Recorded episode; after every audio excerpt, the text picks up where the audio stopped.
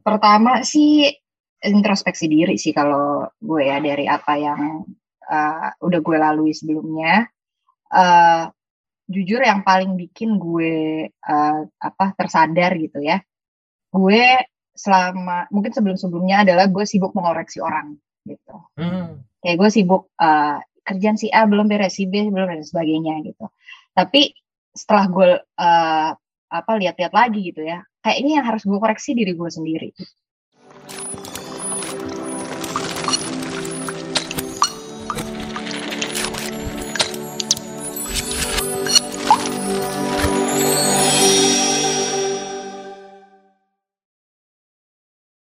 Halo Pinvestor, balik lagi di Ngopi Manis, Ngobrol Pintar Masalah Bisnis, masih sama gue Ingga Putra dan Mas dosen kesayangan, Mas Sony Agustiawan. Halo Mas Son. Halo Mas Ingga, apa kabar? Alhamdulillah baik. Eh Mas Son. Yes. Uh, gua itu pengen nanya juga sih ke Pinvestor sebetulnya. Masih ingat nggak sih sama uh, beberapa episode sebelumnya gue pernah ngomongin soal skin investment. Nah, Gue tanya kalau deh Mason, menurut lo skin investment itu apa Mason? Oke, ini kata-kata yang sering gue dengar akhir-akhir ini masih nggak. Apalagi yes. ketika kita masuk ke pandemi COVID-19, ini mm-hmm. jadi heboh gitu ya. Betul. Banyak orang yang investasi di dalam skincare. Orang ada yang merawat agar menjadi lebih putih, agar Betul. menjadi lebih kinclong. Jadi banyak banget orang mulai investasi di perawatan kulit. Itu kan maksud lo masih enggak? Kurang lebih benar. Kenapa gue pengen bahas begini? Karena pada masanya orang-orang itu sering banget waktu zaman-zaman ini ya eh, di rumah aja PSBB orang-orang itu sering banget memperhatikan mukanya mereka di depan layar.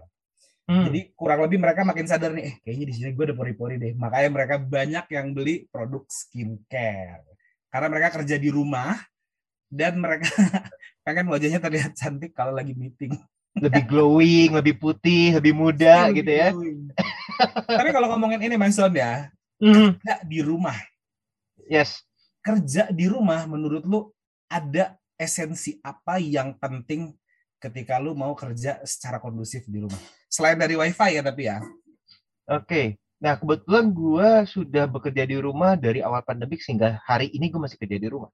Mm -hmm. Dan gue nggak akan pernah bisa kerja dengan produktif tanpa kopi. Kalau gue sih, gue investasi di kopi itu banyak banget. Dari beli kopinya, mesinnya, dan segala macam. Nah, selain itu, kalau gue pribadi, gue pengen kerja supaya nyaman. Misalnya harus ada uh, kondisi ruangan yang cukup dingin. Kemudian yes, juga setuju. Kursinya juga harus nyaman. Betul. Gitu kan ya? Iya, kalau nggak lu bayangin berjam-jam duduk ngobrol, uh, lu ngajar atau beraktivitas, kalau kursi nggak nyaman kan nggak nggak enak banget. Betul. Nah, itu kalau versi gue, kopi dan uh, aksesoris atau furniture di rumah. Mantap. Kalau gue gue tambahin satu, kalau gue harus ada yang namanya aromaterapi. Biar apa? Biar hmm. mood gue tuh eh uh, semriwing gitu, Mas. Gue seneng banget sama aromaterapi, aromanya jasmine. Oke. Okay. Nah, eh Mas Ton, yes. kalau ngomongin hal kayak gitu ya, gue mau kenalin lu ke salah satu uh, temen gue nih yang bisa bikin kerja lu di rumah itu hmm, lebih nyaman. Jadi dia ini punya store yang isinya lengkap banget Mas Son. Namanya Agnes. Jadi dia ini menjual produk skincare, home living, sama personal care. Okay. Udah hadir secara virtual ada Mbak ada Mbak Alvita Seda. Halo Mbak Alvita. Halo, halo, apa kabar Kak Sony Mas Hingga? Alhamdulillah. Halo, apa kabar? Alhamdulillah baik. baik, alhamdulillah. Sehat semua keluarga sehat ya? Alhamdulillah. alhamdulillah. Mbak Seda gimana? Sehat. Semuanya sehat? Alhamdulillah sehat juga kita. Ini Mbak Mbak Seda nih jadi sebelum uh, kita mulai ya Pinvestor Mbak Seda ini udah uh, melakukan apa namanya? IG live ya. Jadi dia udah panas duluan nih sebelum kita ya. iya, barusan banget, bener-bener barusan banget habis uh, Instagram live. Iya, kita kita kita yang lagi masih grogi ya Mas ya jadinya ya Mas ya. Oh, enggak lah, udah biasa lah karena udah banyak nih sharing-sharing. Aduh, tapi enak nih Mas uh, Mas Son, enak kalau kita punya kenalan orang dalam gitu. Jadi kalau kita ada diskon-diskon di Atlas gitu ya, bisa kode-kode kali ya Mbak Seda. Bisa diatur gampang, gampang. Eh tapi anyway, Mbak Seda, ya. Mbak Seda kita kenalan dulu yuk sama investor. Mungkin ada investor yang belum kenal sama Mbak Seda. Boleh. Halo, aku perkenalan dulu ya. Halo teman-teman, aku De, uh, Alvita Seda. Biasanya dipanggilnya sih Seda ya. Aku founder dari Atlas Pharmacy Concept Store. Di sini aku mungkin akan sharing-sharing uh, tentang bisnis ya yang akan kita bahas nanti ke depannya. Gitu. Salam kenal semuanya. Ada ya kalau ada anak cewek yang apa greeting ya. Beda gitu, gitu lah. Kita ya? pencitraan dulu lah kalau awal-awal tuh halus dulu gitu kayak manis dulu gitu kalau di awal-awal. Baik. Eh, Mbak Sida, gimana nih pandemi ini menurut lo blessing in disguise atau gimana? Uh, gue sih jujur nggak terlalu ngerasain gimana banget kalau in bisnis ya. Kalau di di daily life sih nggak blessing in disguise ya karena banyak yang kehilangan banyak uh, banyak yang kerugian ibaratnya gitu ya pun gue salah satu yang uh, mengalami itu di awal-awal tapi kalau di bisnis tuh biasa nggak terlalu signifikan sih ya di gue gitu sih. Mungkin karena industrinya juga ya, industrinya nggak terlalu hmm. uh, berdampak. Bahkan uh, bisa dibilang sebenarnya dampaknya malah iya blessing disguise jadinya dampaknya cukup bagus gitu. Tapi gue sempat lihat nih Mbak Seda ya dulu di awal-awal uh, eh, PSBB, kalau itu pernah bikin sebuah produk makanan namanya Omai. Betul. Itu masih lanjut nggak Mbak? Uh, iya, jadi sebenarnya gue itu uh, suka suka bikin makanan-makanan gitu. Nah, untuk Omai sih masih lanjut, kita masih lanjut banget. Cuman ada satu uh, bisnis makanan gue sama teman yang uh, kurang beruntung lah ya.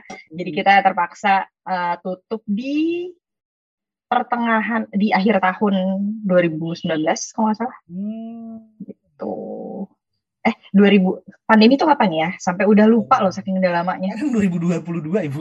Oke, salah berarti 2020. 2021. Apa 2020? Uh, eh, kan pandemi 2020 ya?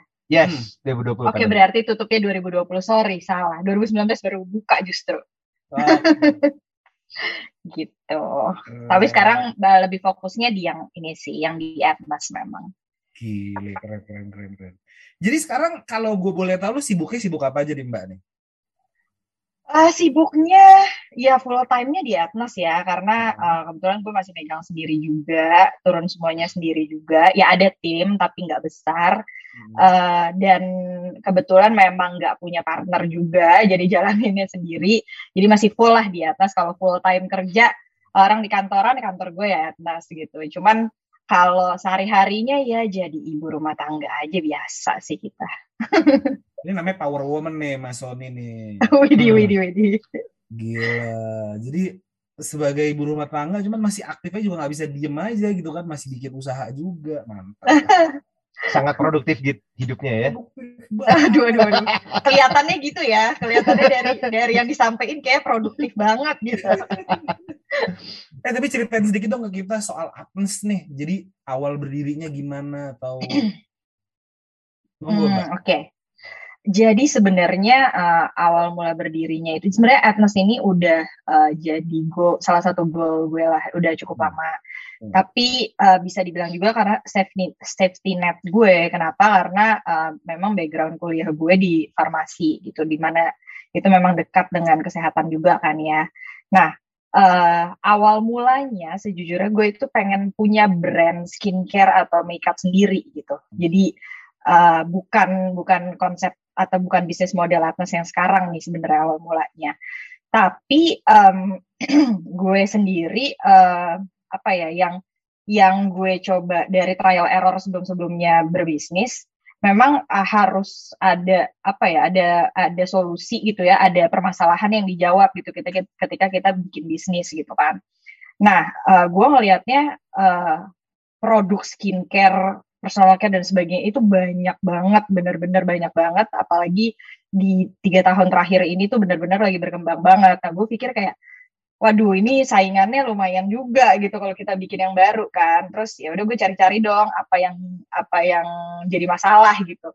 Nah setelah gue lihat-lihat lagi yang jadi masalah adalah uh, baik dari segi pebisnisnya gitu ya si UMKM ini ataupun customer yang jadi masalah adalah nggak ada satu tempat yang bisa uh, secara offline gitu ya toko offline toko fisik yang kita tuh bisa nyari produk-produk lokal tuh ke situ gitu Hmm. Biasanya kan kita uh, biasanya tuh kalau nyari produk skincare atau health and beauty gitu pasti akan bercampur sama produk-produk uh, dari luar gitu ya, produk-produk uh, impor gitu. Uh, sedangkan yes. gue ngelihatnya produk lokal Indo aja tuh udah ratusan sebenarnya, hmm. tapi nggak punya wadahnya. Ibaratnya mereka harus bersaing sama uh, brand-brand luar yang padahal kualitas produk mereka juga sama bagusnya kayak gitu.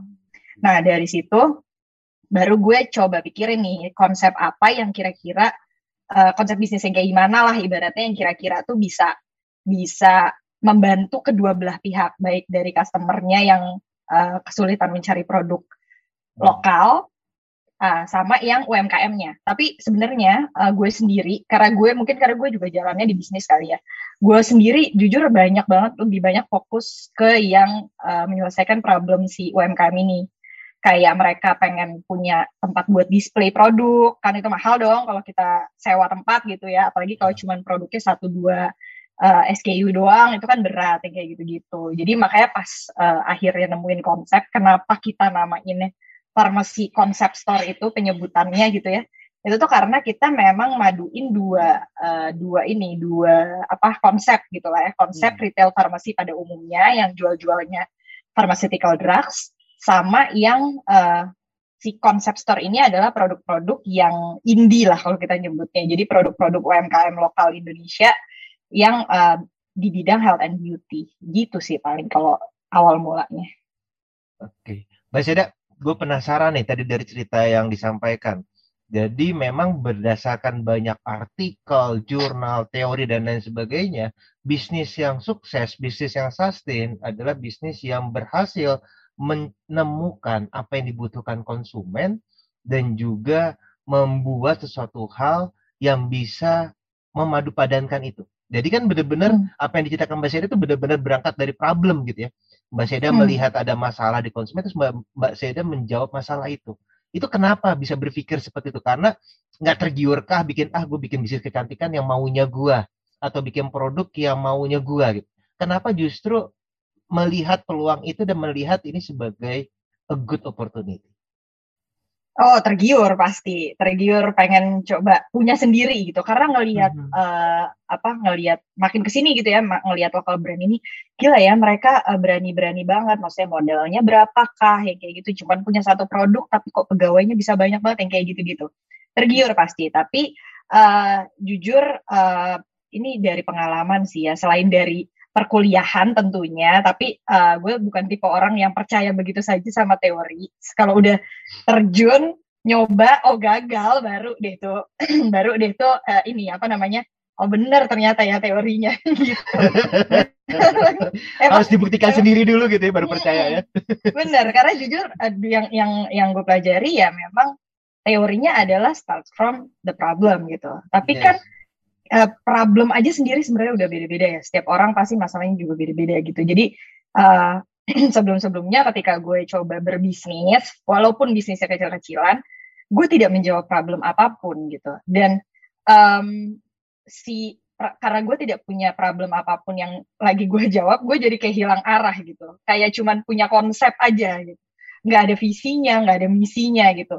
Jadi kayak uh, orang jualan aja gitu. Kalau kalau gue bilang nggak nggak entrepreneur kalau kayak gitu ya businessman aja gitu yang uh, ke apa orientasinya adalah sales utamanya ke situ.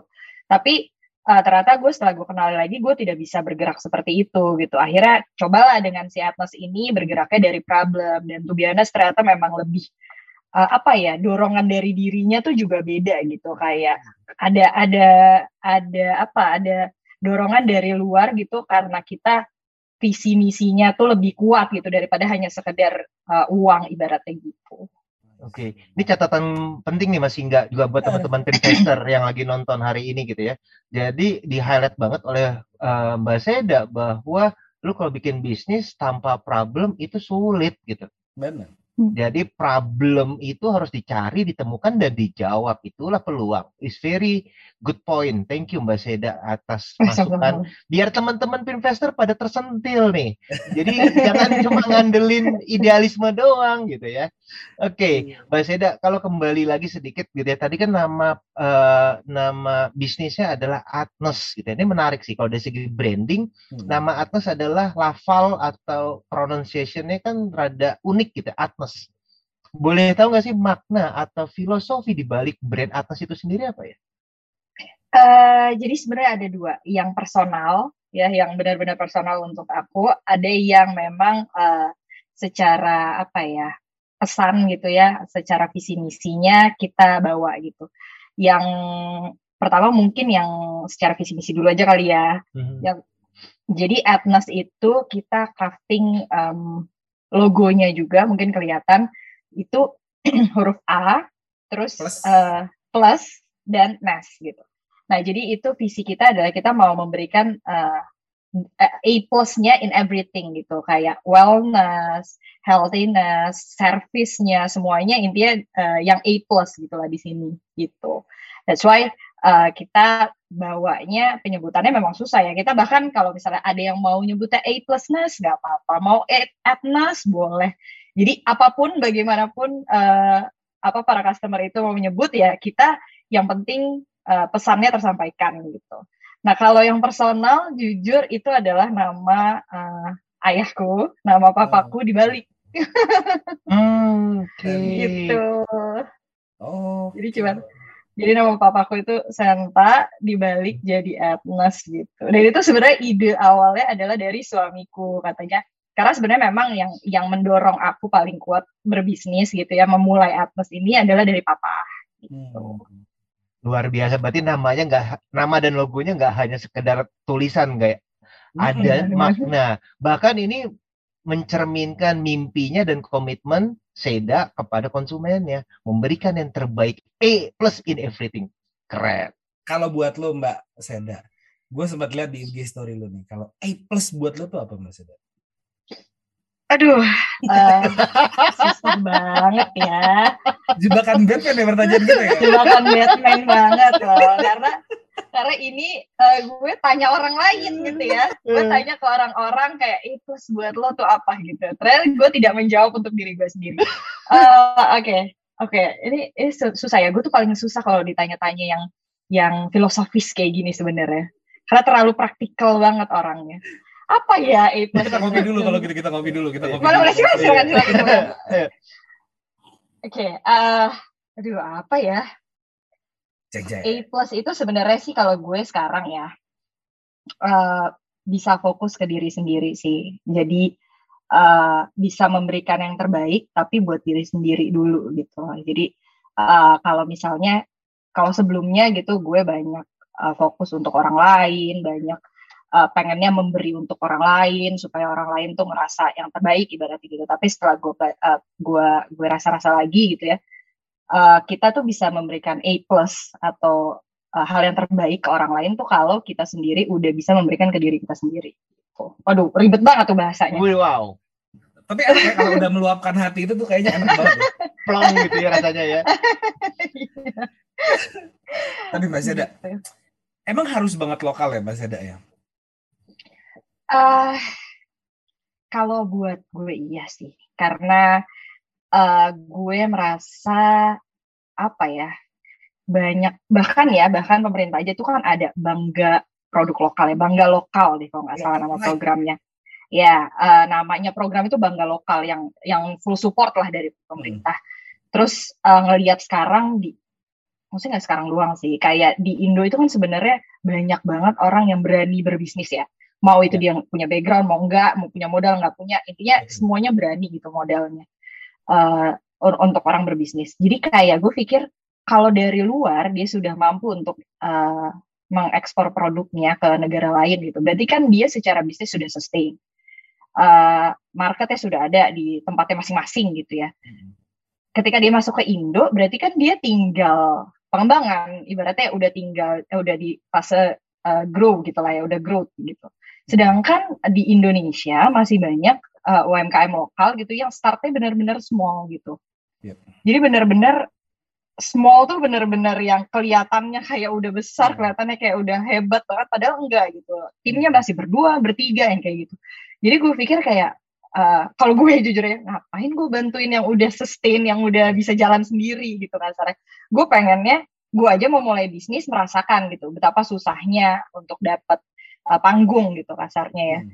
Nah jadi ya gue pikir kayak ya udah bareng-bareng aja sama para uh, UMKM lokal ini gitu loh. Kita gedenya bareng-bareng bukan bukan ada yang satu lebih gede dari yang lain misalnya kayak gitu. Jadi lu memberikan wadah buat mereka gitu ya? Iya harapannya sih begitu. Keren tapi kan masalahnya banyak banget brand lokal. Mungkin lebih dari 100 nah. kali ya. Nah Betul. dan kita sebagai store pasti kan nggak mau memasukkan produk yang asal-asalan Asal karena ini akan akan merusak produk atau bisnis kita juga. Betul. Nah, gimana gimana tuh Mbak cara milihnya atau bagaimana sih Mbak Seda mempertimbangkan untuk milih suatu produk? Oh, ini saya pakai, ini saya masukin, yang ini enggak. Apa pertimbangannya Mbak Seda? Oke, okay, berarti uh, sebenarnya ini kita masuknya ke pure bisnis ya kalau ya. udah kayak gitu. Nah kalau dari gue pasti ada, uh, memang ada kriterianya yang udah kita tentuin, kriteria baik dari uh, produknya, bahkan pricing strateginya juga dari mereka, terus visi misinya, uh, itu semuanya jadi pertimbangan kita gitu. Karena memang termasuk sorry, sendiri, termasuk visi okay. misi. Uh, termasuk jujur. Wow, di, wow, itu, ini keren. personal sih ini. Hmm, ini emang preferensi personal soalnya gini um, banyak ya itu karena udah banyak banget ya uh, UMKM dan jual produk skincare gitu aja. Yang uh, jujur karena gue main karena gue farmasi juga backgroundnya jadi gue tahu bagaimana uh, bisnisnya gitu di balik itu gitu. Bagaimana proses produksinya kayak gitu gitu dan uh, buat gue penting visi misi dari si foundernya karena rata-rata gue masih ber, berhubungan sama founder ya atau ownernya langsung ya karena mereka masih turun langsung. Hmm. Bagaimana gue berinteraksi sama mereka, bagaimana mereka memperkenalkan produknya, tujuannya seperti apa gitu-gitu tuh buat gue ngaruh karena itu terkait sama program-program gue nanti ke depannya gitu. Karena kan gue nggak sekedar jualan ya, apalagi di uh, sosial media gitu gue lebih banyak sharing knowledge gitu ibaratnya ya yang kita bisa sebut uh, branding brand image-nya uh, berbeda gitu. Uh, Atnos yang berjualan secara offline tapi di sosial media kita bawanya untuk sharing knowledge. Nah kalau misalkan brand ini uh, secara visi misinya enggak uh, hanya sekedar uh, untuk jualan ibaratnya itu hmm. susah nanti berkembang ke depannya sama kita karena nggak ada hal yang bisa di share, nggak ada program yang bisa dibangun, dibuat yang kayak gitu-gitu. Makanya penting juga buat gue ngobrol sama foundernya itu nyambung gitu. Mereka memang tujuannya apa. Gitu. Hmm. Berarti jadi partner tuh partner yang bisa sejalan gitu ya, satu pemikiran. Uh -uh. Nggak langsung sih partner nggak langsung ya ini ya. -huh. Nah, tadi selain visi misi, boleh disebutin lagi Mbak Mbak Seda, selain dari visi misi mempertimbangkan okay. hal yang lain? Uh, pricing strateginya atau uh, price-nya mereka lah gitu. Mereka hmm. nentuin harganya, terus itu kan berarti menentukan juga marketnya uh, seperti apa gitu ya, social social kelasnya kayak gitu-gitu. Karena memang Atlas uh, social kelasnya itu uh, targetnya itu AB ya sebenarnya. Uh, jadi memang untuk A, B, dan A lah ya. Cuman uh, kadang harganya memang tidak mencerminkan brandingnya kalau untuk UMKM kalau menurut aku karena mereka itu mempertimbangkan margin yang tipis yang penting uh, produknya terjual dengan baik karena kalau mereka jual dengan harga tinggi mereka harus bersaing dengan yang produk luar ini gitu yang di mana itu sulit padahal quality-nya sama gitu. Nah, jadi kadang uh, pricing itu aku nggak terlalu eh, nggak uh, terlalu perhatiin sih sebenarnya ya. Hmm. Tapi secara brand image-nya uh, gue perhatiin banget apakah dia sesuai marketnya atau enggak. Mass production atau memang dibuat dengan hati, berarti itu juga beda sih. Gitu. Oke. Nah, Mbak Seda tadi beberapa kali menyinggung tentang market. Marketnya di declare AB, kemudian produknya harus sesuai market, price harus sesuai market. Nah, pengen tahu dong gue seberapa penting sih market di dalam bisnis yang Mbak Seda ini. Apakah Mbak Seda selalu meriset market, bertanya sama market, atau lebih penting dari itu arti market dari kacamata Mbak Seda? Uh, lebih penting penting paling penting sih sebenarnya kalau menurut uh, gue ya. Kenapa? Karena uh, keberlangsungan bisnis gue tuh biasa benar-benar uh, bergantung sama market ini. Apalagi gue bukan gue tidak punya gue nggak own the products gitu ya bisa bilang. Gue own the brand own the image uh, brand image gitu. Tapi nggak nggak own produk fisik. Jadi uh, hal yang gue punya adalah service. Which service uh, leads to uh, how we um, apa ya how we communicate sama si marketnya ini sama customer kita ini gitu kan ya. Jadi gue selalu uh, bahkan ini udah mau setahun ya gue masih masih meng, berusaha mengenali behavior dari market gue ini. Karena benar-benar bergerak terus. Saking mungkin saking banyaknya jenis produknya juga kali ya. Yeah. yang tadinya awalnya targetnya misalnya ibu-ibu muda eh tapi begitu masuk produk lain ternyata bergerak pro, uh, targetnya bergerak lagi kayak gitu-gitu. Tapi penting banget apa yang mereka keluhin uh, gue bener-bener pikirin segitunya even cuma satu orang yang ngeluh gitu. Jadi kayak aduh gimana ya ini harus ini harus itu gitu. Walaupun kalau kata orang ya nggak usah sampai semuanya dijawab juga sih uh, kemauannya gitu. Tapi kalau dari gue selama gue masih bisa jawab kemauannya dan tidak mengganggu uh, keseluruhan bisnisnya uh, gue prefer yang itu gitu. Tapi masih ada kalau gue boleh tanya nih gitu ya uh, untuk modal sendiri tadi kan lo sempat mention investor gitu ya. Untuk modalnya sendiri untuk bangun Atlas ini itu uh, dari mana tuh? Kalau boleh uh, tahu, boleh kali ya di sharing ke kita. Modalnya apa sih sebutnya? Bootstrapping ya. Modalnya hmm. benar-benar dari uh, keluarga lah gitu. Benar okay. dari sendiri dan dari keluarga. Tapi uh, gue bukan dikasih gitu ya bisa dibilang uh, lebih ke berhutang tanpa bunga gitu. Hmm. Kalau bootstrapping kan ya. Karena kan memang iya. kan banyak ya kayak apa namanya angel investor gitu. Betul, betul. Betul. Uh, iya, makanya angel investor itu kan ya kayak ya disebutnya ya angel ya. Jadi dia ikhlas-ikhlas aja tuh duitnya hilang. Kayak gitu-gitu kan di luar. Uh, uh, kalau angel investor, ya ini si angel gue ya. Dikasih aja kita modalnya. Cuman itu uh, karena gue ya lagi-lagi ya karena udah beberapa kali berbisnis dari yang nggak pakai teori sama sekali yang terjun bebas aja langsung gitu ya sampai yang benar-benar pakai perhitungan forecast dan sebagainya ya semakin ke sini semakin tahu lah bahwa penting ngelakuin forecasting bisnis dan uh, apa evaluasi tahunan dan lain-lain gitu ya. Hmm. soalnya biarpun biarpun modalnya dipinjamkan tanpa bunga itu tapi kan uh, kita mesti lihat bisnisnya sehat atau enggak nih gitu. Betul.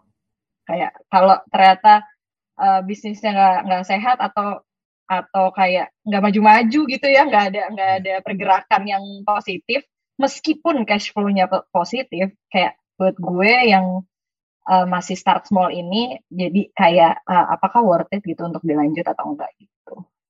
Mantap. Eh misalkan kalau uh, gue memposisikan gini deh uh, gue sebagai UMKM nih, gue bikin hmm. sebuah uh, scented candle. Cuy, bahasa Indonesia gini aja deh, gue kayak jaksel nih. Uh, lilin yang wangi. Lilin aromaterapi. Nah.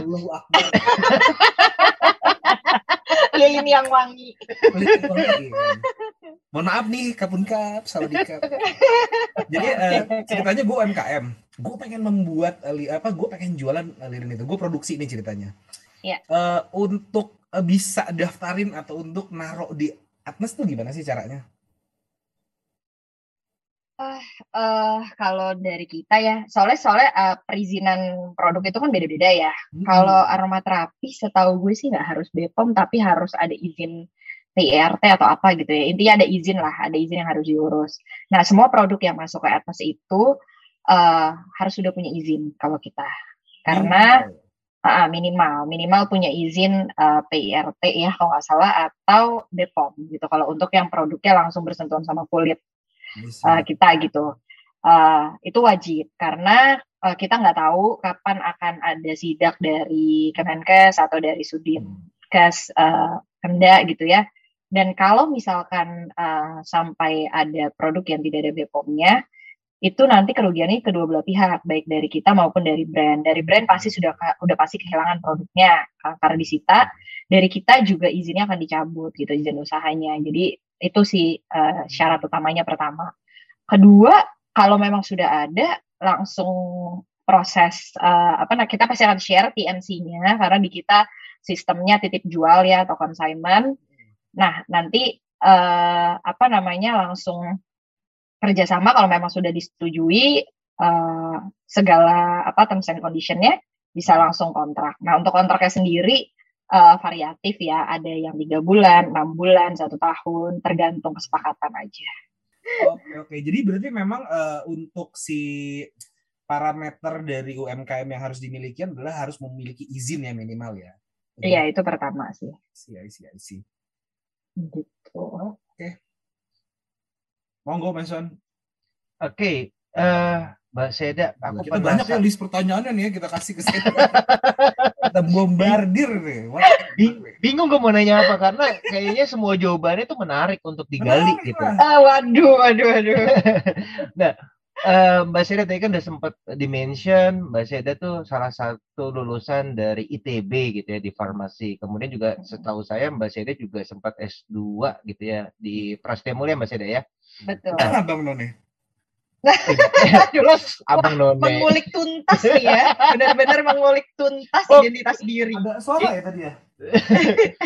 kita riset, kita riset. Jadi kita oh. uh, kalau mau interview nggak sembarangan. Yeah. Aduh, aduh, aduh, aduh, mantap, mantap. Oke, okay.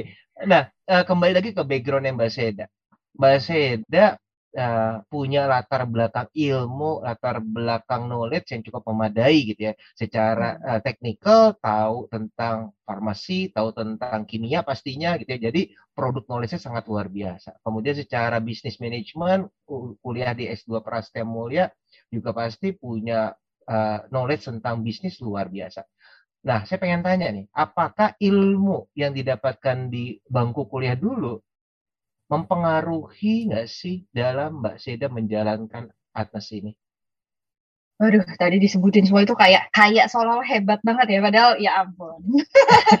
Suka gitu, merendah. Kita. padahal selama gitu. kuliah tuh self self kita. Uh, nggak bohong sih ya, kalau karena gue memang tipenya teori banget sebenarnya. Hmm. Jadi gue tuh uh, bukan yang terlalu eh nggak bisa yang tanpa teori itu langsung coba ini itu gitu. Kayak uh, kebiasaan ada backgroundnya dulu jadi buat gue bang kuliah itu penting banget. Tapi uh, itu cuman seberapa persen ya paling ya? Kayak itu itu cuman kayak fondasi lah gitu. Tapi pada pada prakteknya ujung-ujungnya itu memang trial error uh, banyak sharing sama yang uh, udah duluan uh, misalnya berbisnis misalnya hmm. gitu bahkan mentoring lah ya kalau kita nyebutnya mentoring itu tuh lebih impactful kalau buat uh, gue sih memang uh, ujung-ujungnya akan ada teori-teori yang dipakai gitu ya teori, yang contohnya tadi itu mau bikin konsep bisnisnya start hmm. dari permasalahan misalnya gitu uh, tapi kan itu sebenarnya kita nggak itu nggak cuman gue dapet di bangku kuliah aja tapi karena gue udah trial juga gagal mulu lah ibaratnya gitu jadi ngaruh ngaruh banget uh, apa namanya ilmu yang kita dapat di kuliah tapi lebih ngaruh lagi kalau nggak semuanya cuma di planning dieksekusi karena kalau cuma di planning terus kita nggak tahu nih apa yang harus diimprove ibaratnya tapi kalau udah eksekusi eksekusi terus jadinya tahu oh iya kurang ini kurang ini hmm. okay. nah tadi sempat uh, mention mentor. Maksudnya mentor tuh mentor dalam hal apa Mbak Sira? Bisa tolong dijelasin ke teman-teman investor? Mentor hidup, nggak ada yang bohong. Gue pikir serius jawabannya tuh. ya iya hidup aja orang beda-beda gimana bisa jadi mentor. Nggak, uh, jujur gue tidak work sama motivator gitu ya. Gue tidak hmm. bisa gitu karena tidak realistis kalau buat gue. Tapi mentor yang buat gue uh, amat sangat impact, impactful itu kalau dia memang sudah memulai bisnisnya. Jadi dia lebih banyak bercerita trial error tentang bisnisnya, how uh, dia memulai bisnisnya, uh, start dari mana, praktikal banget deh. Jadi hmm. kayak misalnya, oh taruhlah, oh bikin bisnis mod, eh bikin uh, apa, forecasting bisnis. Iya, kita ngomong doang mah gampang ya kan kita yang pengen hmm. tahu apaan tuh forecasting bisnis gitu bikin apa gitu ngapain yang kayak gitu. Nah gue lebih work sama yang kayak gitu-gitu. Terus misalnya uh, gue ada masalah nih marketingnya kurang works atau ads-nya kurang works gitu. Nah gue tidak tidak ini apa namanya tidak peduli gitu sama komen-komen yang setengah-setengah kayak gitu. Kalau misalnya memang uh, mau komentar gitu ya atas apa yang tidak works di gue komennya detail gitu kayak ads-nya nggak works mungkin lo ininya yang kurang itunya yang kurang coba lo gini dan segala gitu gitu jadi benar mentoring yang yang praktikal lah kalau gue gue benar-benar nggak bisa cuma dikasih eh, hal-hal uh, yang filosofis doang itu nggak bisa gitu nah, berarti mentor perannya kalau... penting banget deh iya buat gue tapi mentor tuh macam-macam mentor hmm. nggak hmm. harus yang udah hebat gitu loh karena pokoknya yang penting gue dapat pencerahan aja dari masalah gue buat gue itu udah cukup mentoring untuk um, bisa disebut mentoring buat gue gitu. Kayak masih enggak nih mentor hidup gue nih. ya kan? Mentor hidup real kan. Jangan gitu dong Besti. Aduh udah cocok banget jadi anak jaksel. Besti, uh, kalau uh, dari bisnis lo ngajarin bisnis gitu, tantangan terbesar lo deh ngejalanin bisnis ini apa? Aduh, besar banget ya. Besar banget. yang paling besar adalah uh, sustainability dari bisnis gue sih. Okay. Karena uh, bisnis gue bisa sustain kalau gue konsisten, sedangkan gue amat sangat sulit bertahan di satu hal. Hmm. Jadi uh, di kepala gue itu sebenarnya gue uh, terlalu banyak imajinasi, terlalu banyak ide gitu loh. Jadi ketika nemu ini, oh langsung kepikiran. Dulu gue sampai sempat mikir sama teman gue apa kita bikin bisnis selling bisnis idea gitu. Saking terlalu banyaknya gitu yang pengen dieksekusi. Tapi kan nggak bisa ya. Yeah. Jadi pengennya cuma startnya doang, tapi ngelanjutin setelah udah startnya itu yang paling susah menurut gue. Jadi konsistensi uh, untuk mengerjakan sesuatu itu struggle gue banget. Gitu. Itu aja. Iya itu yang lainnya mengikuti lah udah pasti. yang lain mengikuti lah kalau kalau kalau struggle bisnis mah standar lah sales iya, turun bener. lah itu mah itu mah iya itu akan selalu ada lah mau bisnis segede apa pun tapi itu tantangan terbesar problem adalah mm -mm. diri sendiri yes, mm -mm. diri sendiri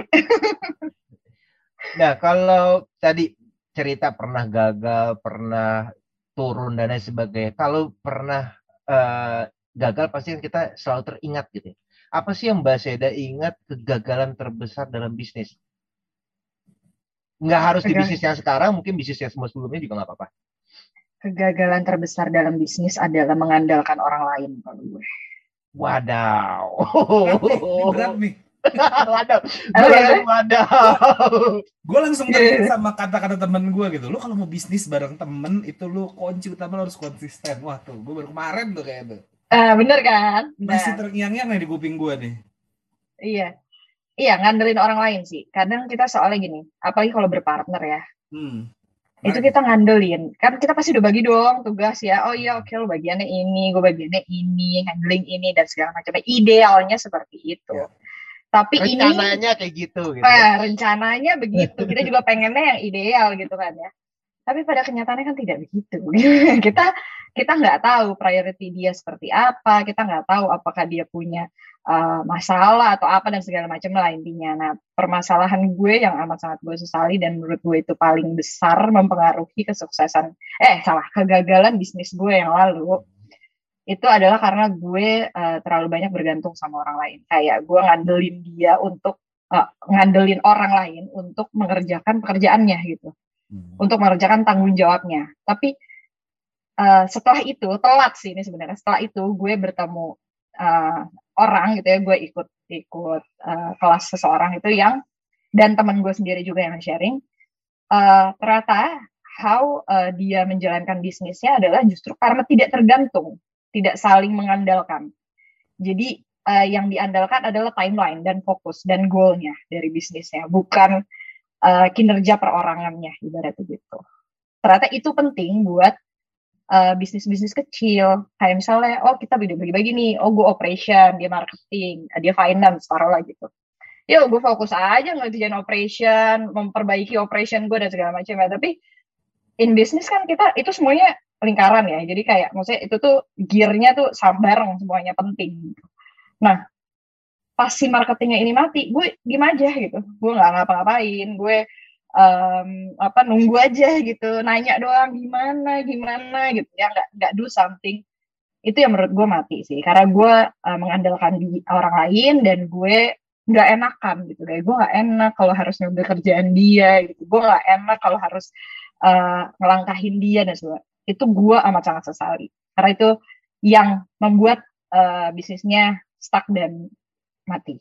Ya itu mungkin kita bisa bilang kayak kacamata kuda kali ya gitu. Jadi hmm. Kiri kanan lo cuma ngeliat fokus ke depan aja ya. Betul. Itu juga. Makanya kita kalau misalkan kita dalam bisnis atau dalam apa pun juga, gue kebetulan diajarin bos gue yang apa bosnya Pinvest gitu ya. Kalau bisa lo jangan berkacamata kuda kalau kerja. Kalau bisa lo memperhatikan kiri kanan lo, benar. biar bisa semuanya rolling semuanya muter benar benar benar banget mantap pak oh. Ims ya, gitu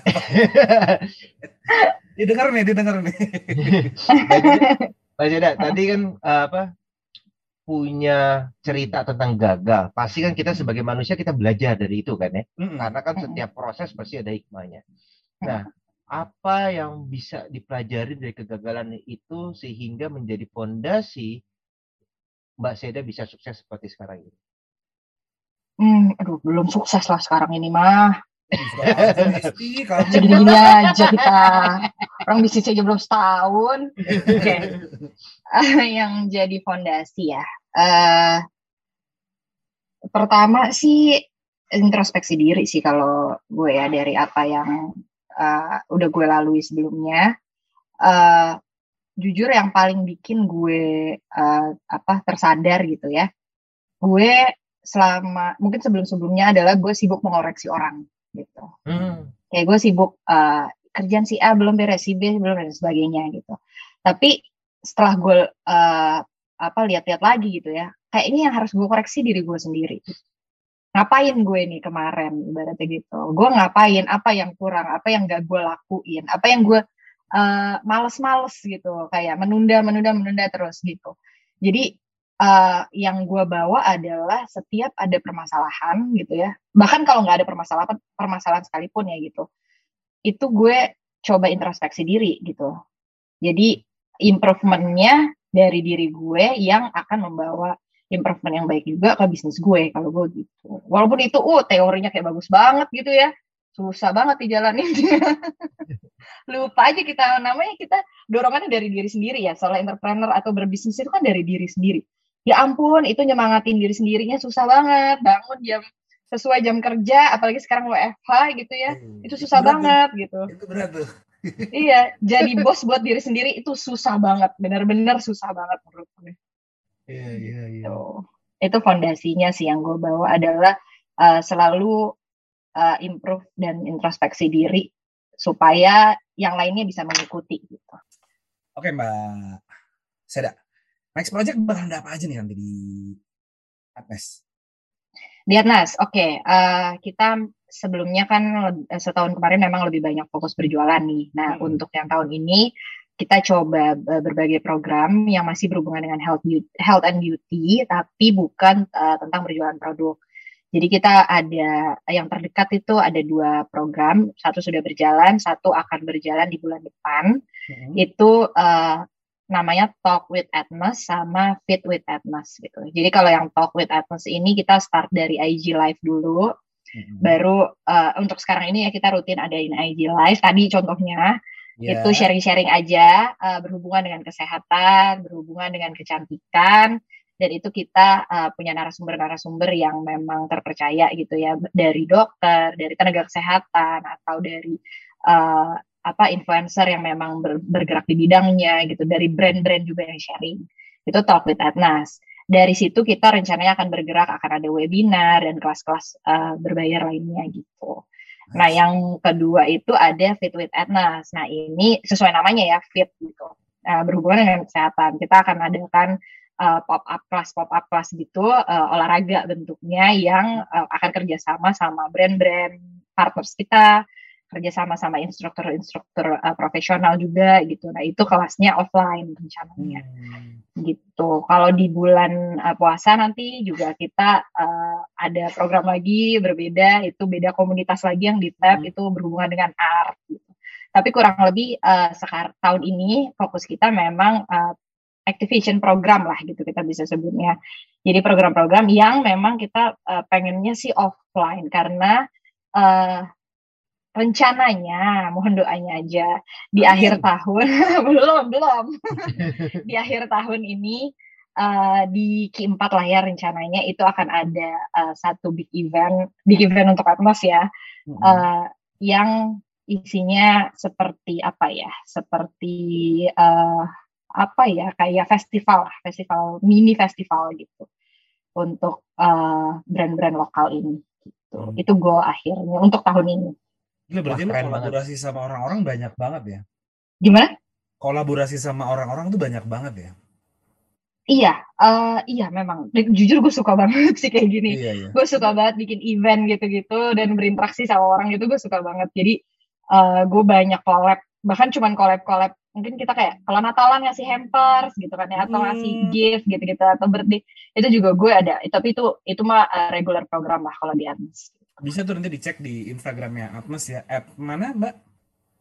Uh, a dot t nas gitu. Gimana ya nyebutnya? nanti Atmas. Kita di, nanti kita taruh di deskripsi ya. Boleh, terima kasih. Toko offline store-nya tuh di mana sih Mbak? Uh, lokasinya di Dharma Wangsa, Jakarta Selatan. Uh, tepatnya ada satu gedung namanya Scope, S-C-O-P-E, Dharma Wangsa. Itu dia gedung baru sih memang. Uh, nah, di dalam situ, di ground floor-nya. Mantap. Tapi emang bener ya Mas Son ya, kalau misalkan namanya bisnis zaman sekarang juga kayaknya itu orang-orang juga banyak yang kolaborasi sih. Iya. Ya cukup ya, relate lah ya sama uh, jargonnya Pinvest Learn Connect Collab. Yoi. Masuk Pak Eko. ya, karena gue karena, karena gue percaya sih enggak. Uh-uh. Karena gue percaya di era sekarang ini kalau hmm. kita mainnya di area perang muruk gitu ya, gimana ngelawan musuh, iya. gimana ngancurin musuh tuh susah. Harus collab. Benar. Dan collab itu adalah the future business ada di situ. As benar. Kayak bener, ya. Iya, kayak bener kita ya rasanya. Mas Eda, gue ada pertanyaan terakhir mungkin ya sebelum nanti masih nggak uh, hmm. closing gitu ya. Uh, tadi kan banyak banget campaign program, ada aktivasi program, dan itu pasti gue yakin nggak dirancang sembarangan, pasti punya sistematis dan punya plan yang cukup kuat gitu. Apakah ini dibikin oleh Mbak Seda sendiri atau bersama tim Mbak Seda? Hmm, to be honest ya, sendiri. Karena timnya cuma bertiga. oh. Cuman bertiga dan yang dua memang masih uh, sama-sama belajar lah gitu. Jadi uh, untuk untuk eksekusi bisa, tapi kalau untuk strategical thinkingnya kebetulan uh, aku lebih banyak diskusi sama orang luar dari Atmas lah. Belajar lah dari yang lain. Oh, Mas Inga, menjadi entrepreneur nggak gampang. Jadi kalau teman-teman investor nggak ah cuman naruh uang, ngumpulin uh, produk, jualan nggak semudah itu. Gitu ya. Ibarat ya. lu memutarkan, ih apa yang jatuh? ibarat ibarat lu memutar roda ini ya, lu nggak hanya memutar roda lu ke depan ya kan, lu juga harus bisa mutarin roda lu ke samping, ke serong, kiri kanan hmm. gitu ya. Hmm. Mantap. Sebelum gue tutup nih Mbak Seda, ada bucket list apa yang belum kesampaian? Dalam bisnis? Bisnis, live. Ya Allah dari dalam live banyak nih mau lihat list ya, enggak lah ya. Bercanda. bercanda. Dalam bisnis ya, uh, yang belum kesampaian adalah bisnis gue berjalan tanpa harus ada gue di dalamnya. Itu bucket listnya. Remote. Mantap. Iya, jadi kita uh, pasif lah. Nah itu belum sampai detik ini. Untuk bisnis apa pun gua doain semoga lancar semuanya. Amin. Amin. Next project next projectnya tercapai, lu juga sehat-sehat sekeluarga. Amin, amin, amin, amin. Sehat-sehat dulu untuk juga semua. lancar. Amin. Kolaborasinya lancar. Amin. Amin, amin. Ya ampun, baik banget doanya. Ya, subhanallah. Mbak Seda, thank you banget ya Mbak Seda udah ngeluangin waktunya buat ngobrol-ngobrol sampai sama kita. Sama-sama, aku yang terima kasih ya. Gue terima kasih juga sudah diundang ke Pinfest, ya ampun. Feel honored banget kemarin udah bilang juga tuh. Kayak merasanya belum pantas jujur buat sharing-sharing kayak gini mah. Bisa aja deh. Bisa aja sih Mbak Yeda. Kalau gitu buat Pinvester, itu dia yang namanya jadi bos untuk diri sendiri itu susah banget perlu yang namanya komitmen dan kalau lu bisa sama orang komitmen itu nomor satu kalau gitu buat teman-teman yang merasa terdorong atau termotivasi dengan video ini jangan lupa di share ke teman-temannya biar bisa memberikan motivasi dan wawasan yang lebih baik. Kalau gitu gue Iga Putra. Gue Sony Gustiawan uh, gue Alvita Seda sampai jumpa di PKS segmen ngopi manis ngobrol pintar masalah bisnis. Bye bye selamat ngopi. Bye bye, bye, -bye. sampai jumpa